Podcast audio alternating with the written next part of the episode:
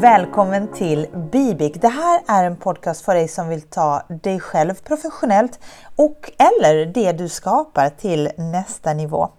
Vid mikrofonen Magdalena Bibik som varje måndag ger dig hacks och tips och strategier på hur du skulle kunna tänka för att då nå, nå nästa professionella steg. Eh, och idag så kommer min eh, number one strategi för ett hållbart yrkesliv.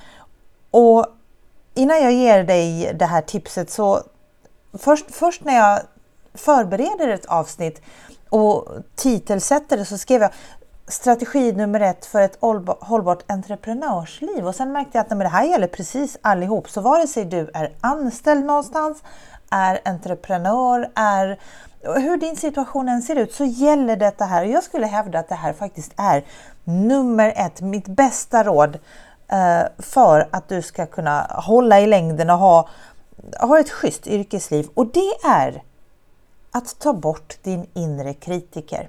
Lättare sagt än gjort, men jag hoppas att det här avsnittet ger dig en tankeställare och faktiskt hjälper dig att, att göra det här. För att jag kan slå vad om att du i någon situation i ditt yrkesliv professionellt har varit hård mot dig själv trots att du har presterat på topp, att du har, liksom, du har slitit ditt hår, du har gett allt du har till en arbetsuppgift, till ett projekt och så har du ändå varit hård mot dig själv som om att du skulle kunna ha gjort mer, gjort bättre. Och, och då tänker jag att om du då har gett allt, du har presterat på topp och ändå är kritisk, då, då tänker jag att det är ju helt kontraproduktivt. För att jag tror att samtidigt som, som du då kanske har varit superkritisk mot dig själv så har du också kognitivt förstått att du faktiskt gjorde ditt bästa. Och så säger den här inre kritiken att du kunde ha gjort mer och vi lägger på rösten, du kunde ha gjort mer och på något vis ha gjort ännu bättre. Fast du vet med dig att nej, det kanske du ändå inte kunde. Jag har ingen inre kritiker. Och, och nu är det inte här att liksom gör som jag, bli som jag. Nej, jag ska bara förklara hur det här tankesättet har hjälpt mig att ha ett tämligen stressfritt entreprenörsliv och där jag faktiskt är schysst mot mig själv. Och vill du ta det här och göra det till ditt, ja men kul. Vill du inte det, då kan du åtminstone få ett, ett annat perspektiv, som man, hur man skulle kunna tänka och så tänker du att nej, jag behåller min inre kritiker. Men jag har då ingen inre kritiker.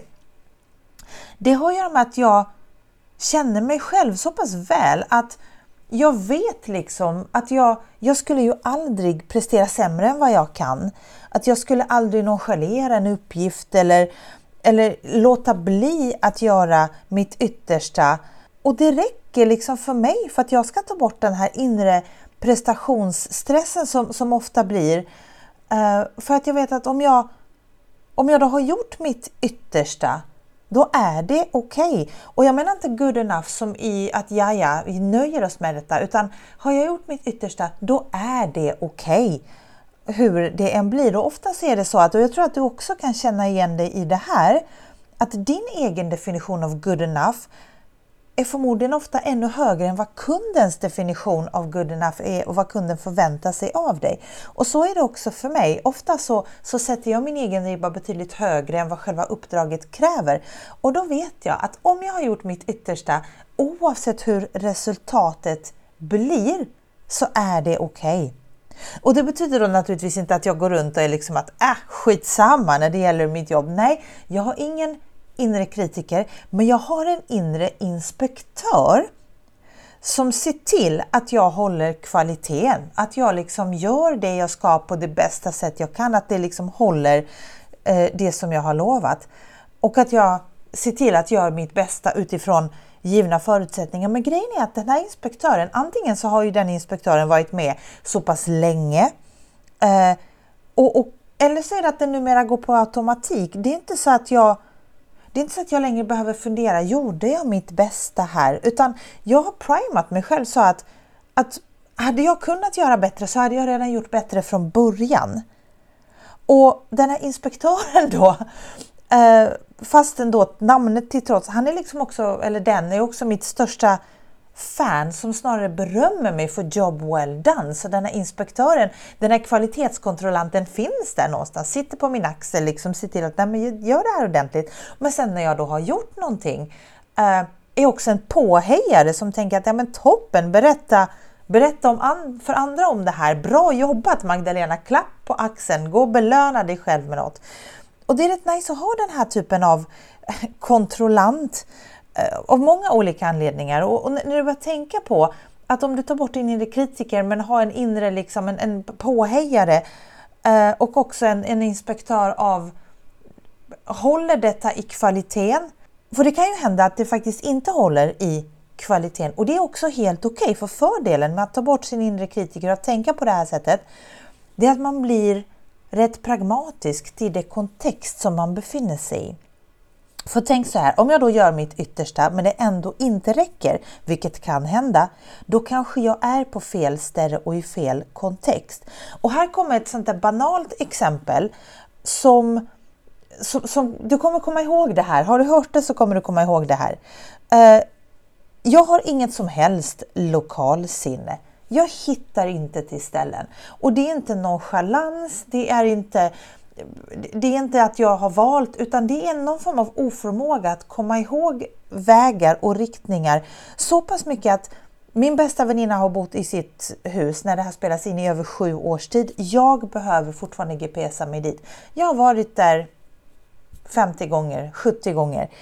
Jag hittar inte dit. Det är någonting jag då helt enkelt inte förmår. Jag kan inte någon gång när jag har försökt hitta dit så tog jag sikte på någonting som inte var en fast byggnad utan ett släp och plötsligt var släpet inte där nästa gång och för mig blev det helt fel. Jag hittar inte.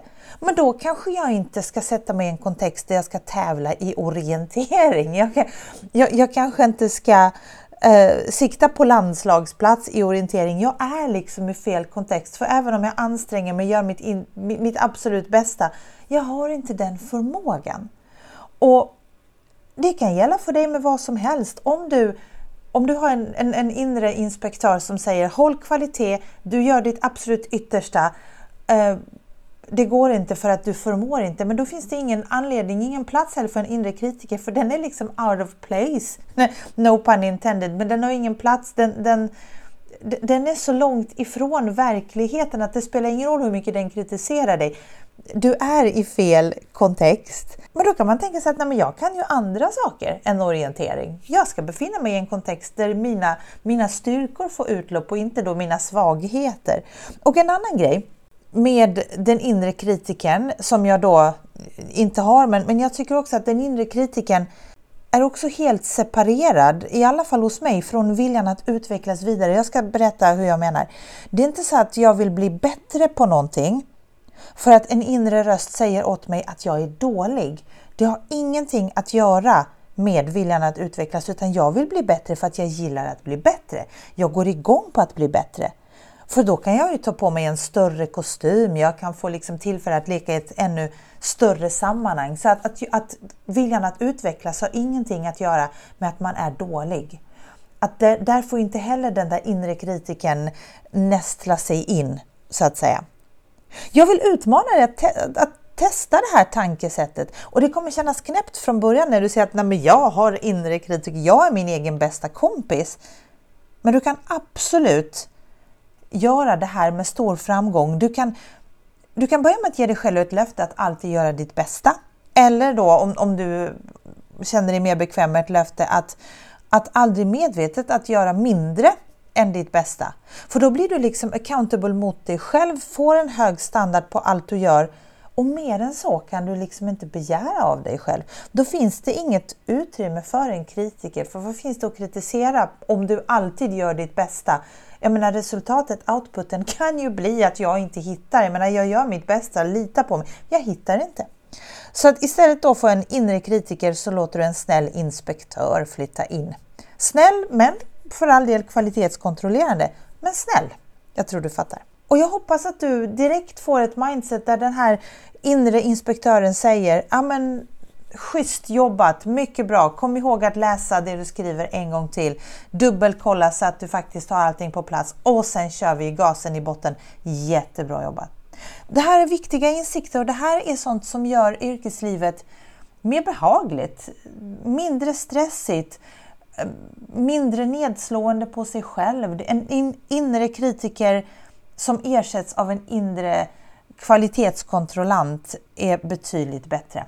Jag hoppas att det här gav dig någonting och att vi ses eh, här och hörs här i podden nästa gång.